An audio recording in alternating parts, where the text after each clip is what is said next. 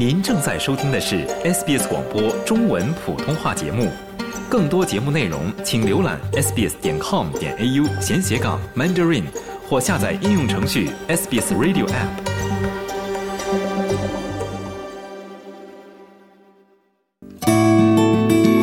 我家的果树为何不开花、难挂果呢？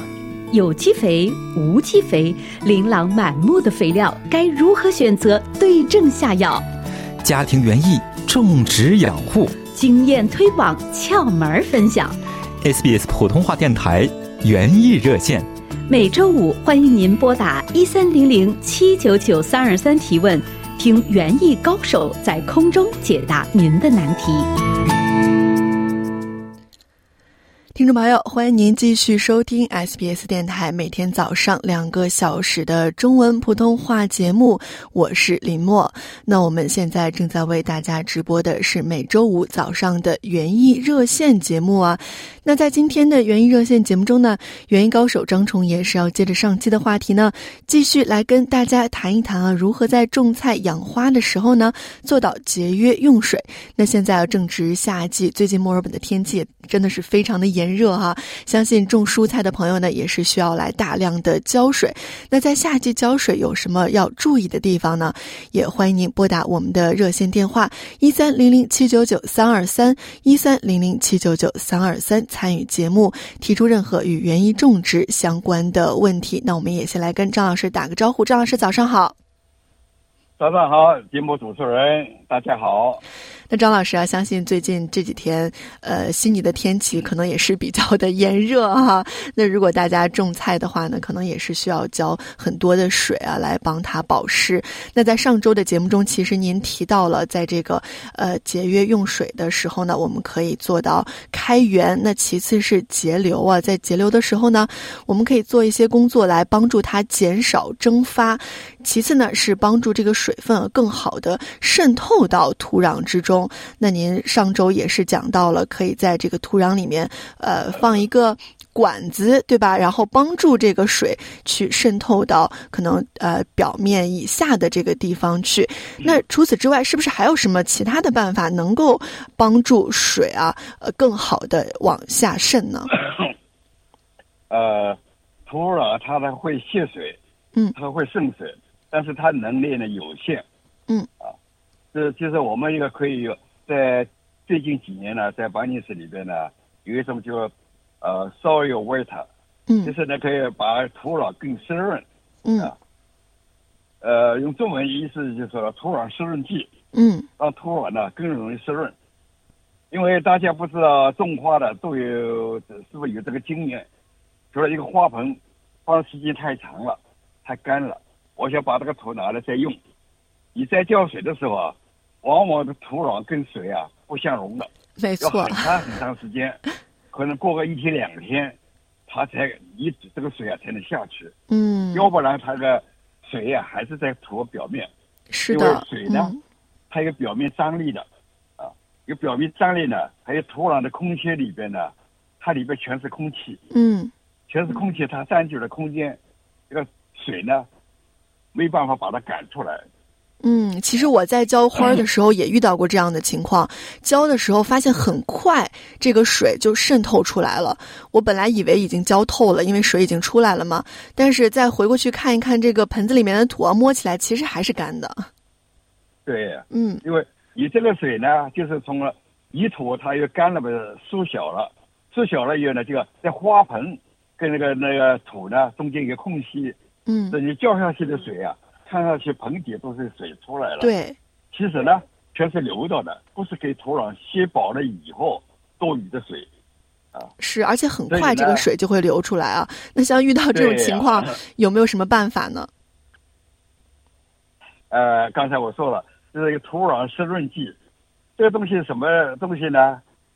它就加在土壤里边啊，或者有的是混在水里边，它为降低那个表面张力啊，在土壤跟水接触的时候，降低了表面张力，让水呢更容易进入土壤里面去。嗯啊，根据它这个产品的示意图啊，它表面啊，假如你不加这个东西的，这个草地啊，就就土壤表面可能在几公分、三公分、十公分是湿的，嗯下边土呢基本上是干的，嗯啊，这样就是你土壤里面空隙，它都下不下去。嗯但是用了这个东西以后呢，它哗哗哗土壤呢一浇水，它就很容易往下渗透了。嗯嗯，往下渗透以后，这个可以渗透到一个一呃这个几十公分呢、这样子它这个保水，它如果这个保呃吸收水的体积增加了，嗯所以你这个浇下去的水呢，它的利用率就高了。嗯还有呢，可以可以促使呢这个根呢往下生长，就提高了植物这个对干旱的抵抗力。嗯因为老是在水在表面，它根呢就长在表面，天一干，表面土壤都干了，它就植物就就受不了了。嗯，像这种呃土壤湿润剂，我们也是可以在苗圃，比如说巴宁斯这些地方买到的，是吗？对对对，嗯尤其在在最近一年，大概有好几家公司生产这个东西的时候，要品牌。嗯，那我们在使用的时候嗯，有什么需要注意的地方吗？？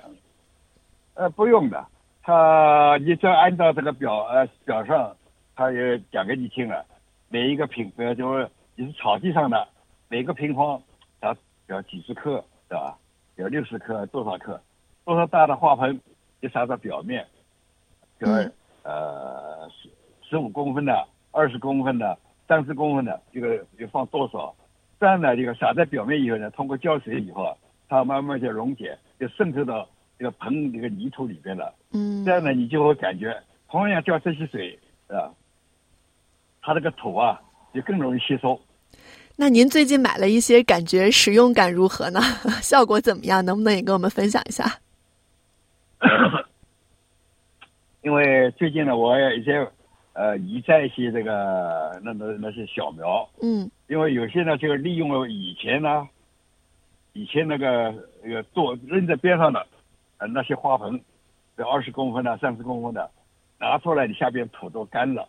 嗯我想用这个土呢，要浇水，慢慢的拌，慢慢的搅拌。假如我想把它整个的浇下去，它根本没办法一下子那个水的都充满这个土壤的。嗯所以呢，我就想到了，就去买一包这个东西，啊，买一包一些东西呢，就放在这个土里边，给它就撒在表面，让它水浇下去。嗯当然了，我现在效果呢，还没看到很明显，因为呢，才刚才一个星期，嗯啊嗯那我就把，我想呢肯定有用。嗯那么可以什么时候做比较呢？这两个盆，一个加这个东西的，啊，湿润剂的，一个没有加的。嗯你浇了水以后，过了个半个小时、一个小时，你再去拿这个盆啊，看看这个分量有什么不一样。哦，嗯嗯嗯它吸水多了，它的盆呢，重量肯定比原来的重。嗯其实，其实这个办法你也可以用在平常你浇花盆，就看，啊，我这个水浇下去，要浇了浇了以后，它拿上去，这个这个花盆啊，原来很轻的，嗯分量正变化不多，说明你的土壤很很干了，嗯水进不进去。嗯假如浇下去，明显的感觉到哦，这个拿上去重很多了，说明呢，这土壤呢它蓄水量增加了。嗯，这也是一个非常好的办法。。对呀、这也是平常我们这个呃，经常这个平常经验吧。经验分享。嗯，哎那如果觉得嗯感兴趣的听众朋友，也可以去试一下这个土壤湿润剂，看一看对大家是不是会有所帮助啊。那张老师啊，我们先来接通一下听众的电话好吗？好的，这位是 Jenny，Jenny 早上好。呃，早上好，张老师好，主持人好。呃，我我想请问呢，是我种那个啊啊山药，它开它的呃开很多分支，那那个分支需要剪掉它还是？Jenny，您的种的什么信号可能不是特别好，您是种的山药是吗？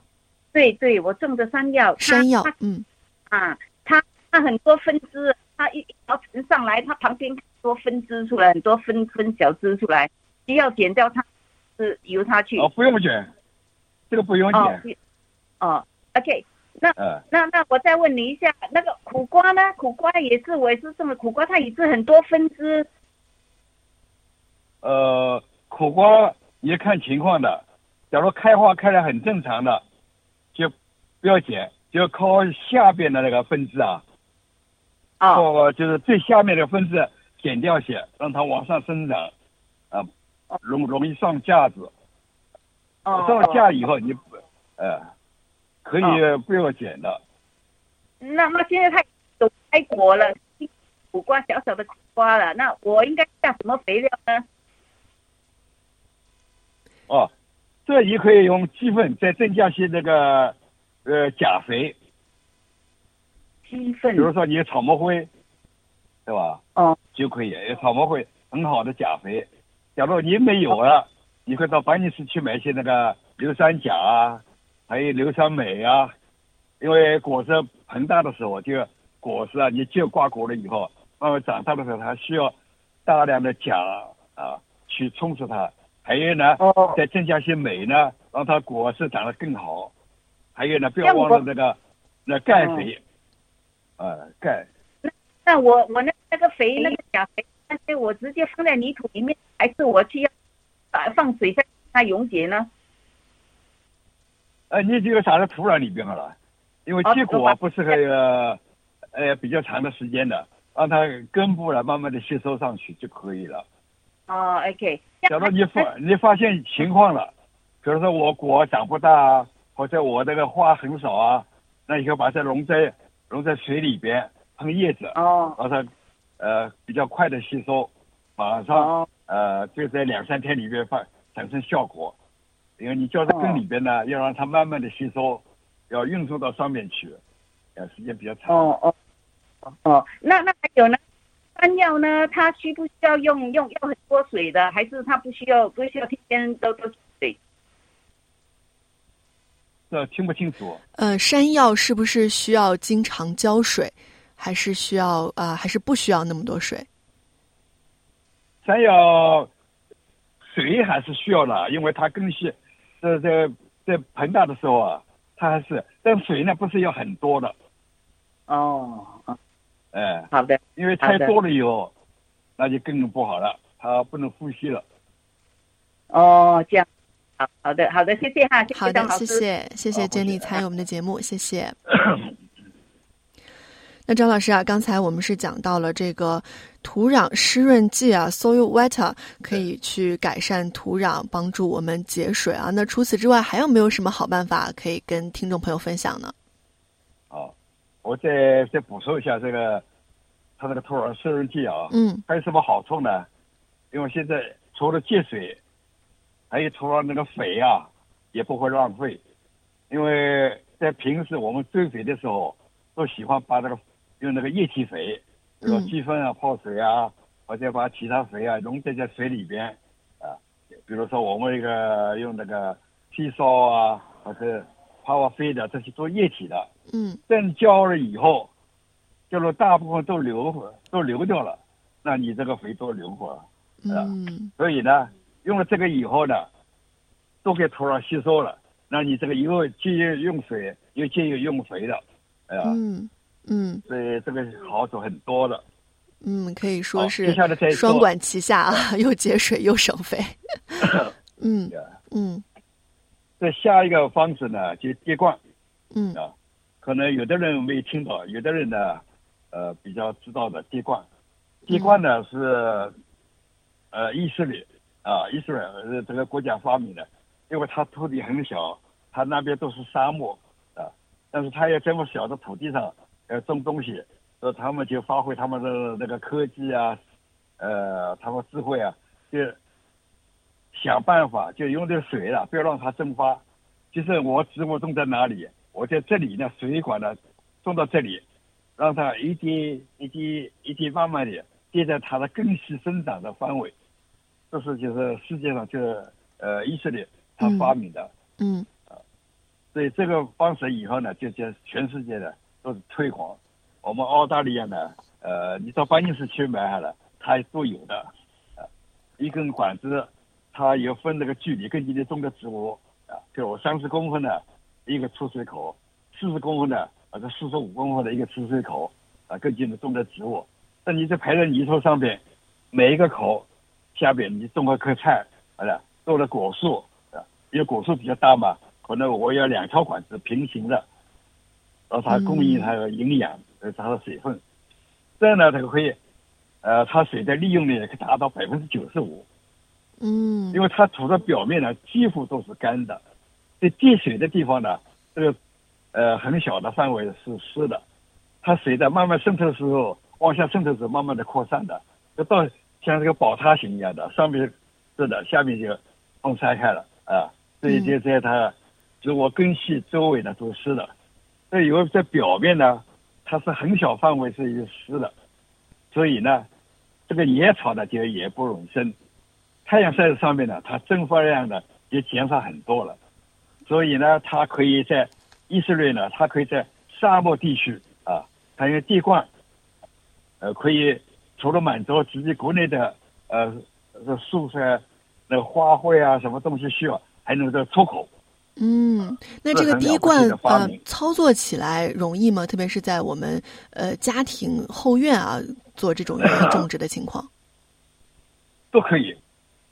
嗯滴灌呢，呃，最好呢是那个比较固定的，因为这个排的管子啊，假如我种的青菜，可能两三个两三个月啊，它就要土壤要翻了，嗯这你排的管子你就不太方便了，嗯所以种这个蔬菜呢，就是用喷灌比较好，上面那个有一个头啊，这个把它撒开来的。嗯滴灌呢就比较适合呢，就是像果树啊，比如说我在种那个豆角、瓜果啊，它一年一次的，那水呢在这个范围，啊，嗯这个对省水比较好。假如呢一不对那个那个那个化肥感冒的，那我可以把那个化肥啊溶解在水里边，那水肥一体啊，就是哦供水的同时也供肥，是现在这个呃世界都推广的，以色列它也是这样做的啊。嗯，那大家也可以根据自己家种的这个呃蔬菜或者是水果的种类啊，来判断是不是适合使用这种滴灌的方式。嗯嗯，那除此之外，我们是不是也可以直接把这个呃植物种在水里面，用水培的方式去节约用水啊？那就不用土壤来储存水分了。对呀、嗯呃，接下来呢，我就讲了，除了接呃滴灌以后呢，接下来就要水培。水培呢是就更比较先进的方式，啊，呃，抛弃了我们传统的，呃，种东西都是要翻土啊，种在土里边，在土壤里边生长啊，嗯这是比较先进的方式，就是让植物直接长在水里边啊。比如说我们在家里可以用简单方式，打个泡沫箱，你试试看，这个水箱不要漏水的啊。泡沫箱以后啊，里边呢可以放水，嗯在盖子上面呢挖几个洞，啊，弄几个小那个塑料篮子啊，什么东西啊，或者那海绵呢，把那个小苗啊把它包起来，塞在个洞里边。嗯。然后像让它的根呢那个接触下边那个水，少量的，不要全部泡在里边，因为你刚刚进去呢，那根系的它是适合土壤里面生长的，它要长到水里边呢，它就不一样了，嗯，就像那个呼吸空气一样的，人类的肺只能在空气里边生长，嗯。但是鱼呢，它会在水里面吸收氧气，嗯所以呢，它要过了一个星期、两个星期了，它会转化成叫水生根，它会在水里边吸收氧气。嗯需要一个适应的过程这。样我，啊、这样，哎、它会慢慢自己会长到水里边，它是会改变的，嗯适应的。但是，你可以把这个营养加在这水里边。嗯这呃，这样种法呢，刚才我做的呢，这个泡沫箱的最简单了。现在在我淘宝上、啊、网上啊，都是有那个那是比较简单的，让你净水培。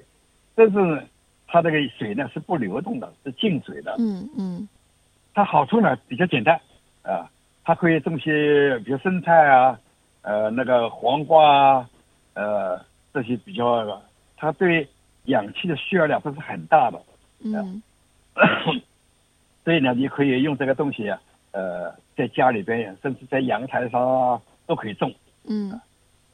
但是你要尽量要再提高它那个产量的效率的，那就是呢，要用要把营养液呢让它流动，嗯。把营养液呢有个水箱，通过水泵打到那个种种那个刚才我的泡沫箱也可以，我这个种在塑料管里边也可以，在我们现在在搬运室买的，比如说九公分的、十公分粗的水管啊，我在十几年就在家里做，那是好玩嘛。嗯可能哎，在水里也能种的，效果怎么样呢？呃，很好啊。嗯。呃，这个你把它横过来，上面打一些孔，嗯。打了孔以后呢，呃，你可以那个海绵把这菜苗把它塞在个孔里边，呃，让那个营养液呢在在这管子里边可以来回循环。你不要二十四小时循环的，可以用嗯定时器，啊，呃，嗯每个小时循环那个五分钟，呃，那个。哦呃，但是呢，也不要一个要控制它的高度，不要水呢一下子都流完了，嗯因为那个水水管和那个容器下水管呢，让它保留下边有两公分、啊、三公分的这个这个液体，嗯这样呢以后呢，你这个循环呢就很好了。嗯，平时呢，你只要检查那个水箱里边，因为它有蒸发的嘛，这个补充那个营养液，对吧？嗯嗯，听起来也是一种非常先进的这个种植方式啊！感兴趣的听众朋友不妨去试试啊，看看是不是自己能够。还有呢，你嗯平常你在在搬运室啊、超市里边，你也可以去买去买那生菜，嗯生菜它有塑料袋包好以后，下边呢白蚁上的根呢还在上面，这种菜呢都是水培的。嗯嗯嗯因为澳大利亚有好多农场啊，那些剩菜啊都是水培的，就很快水培很快的。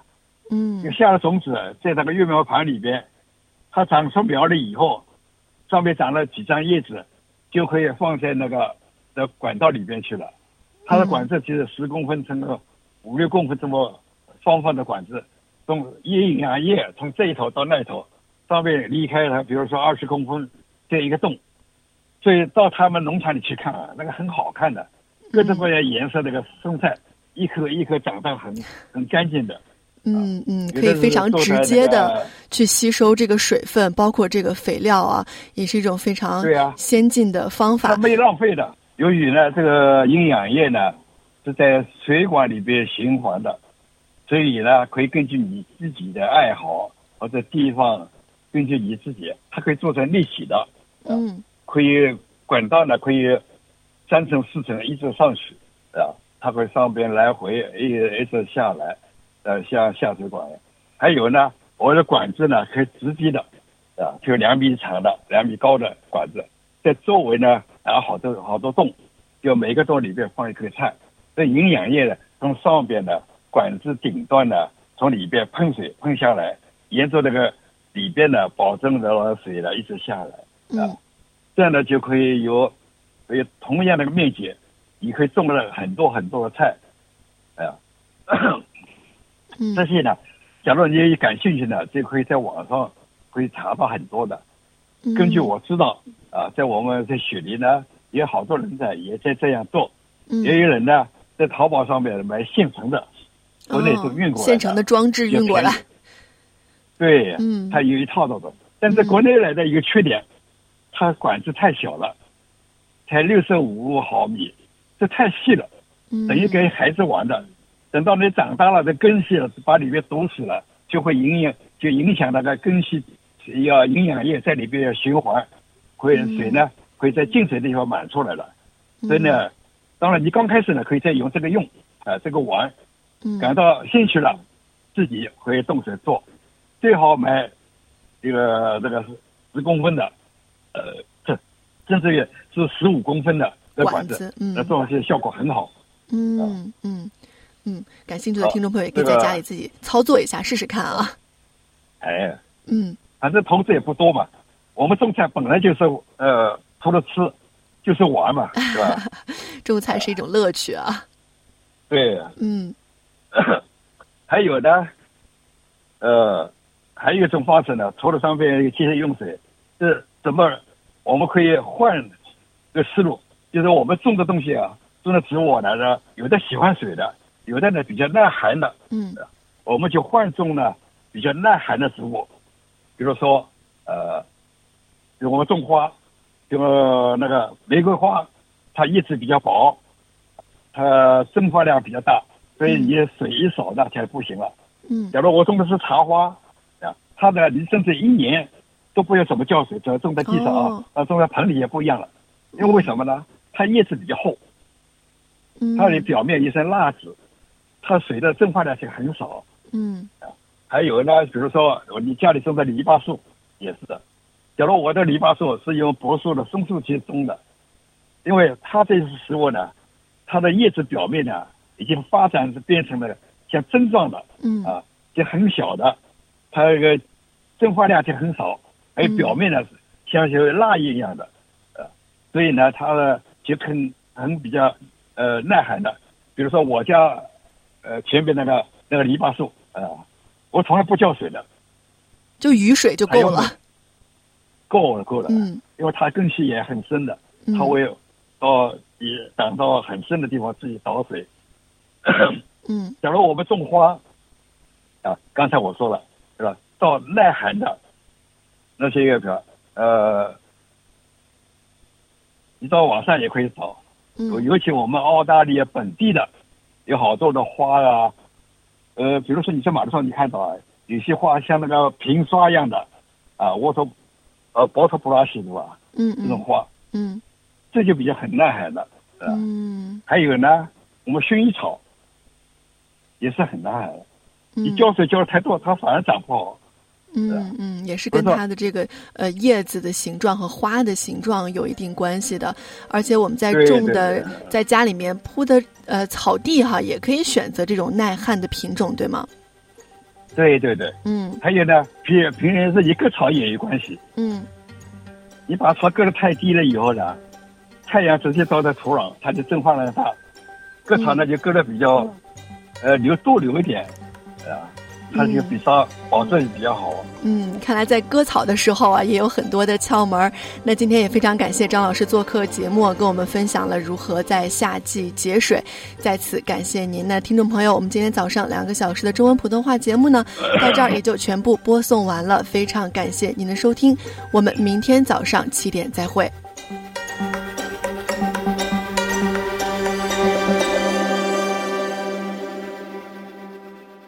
想在 SBS 当一回影评人吗？SBS On Demand 正在推送配有中文字幕的热门影视作品。您只需观看一部或以上影视作品，并把影评观后感发给我们，就有机会赢得一份 SBS 精美礼品。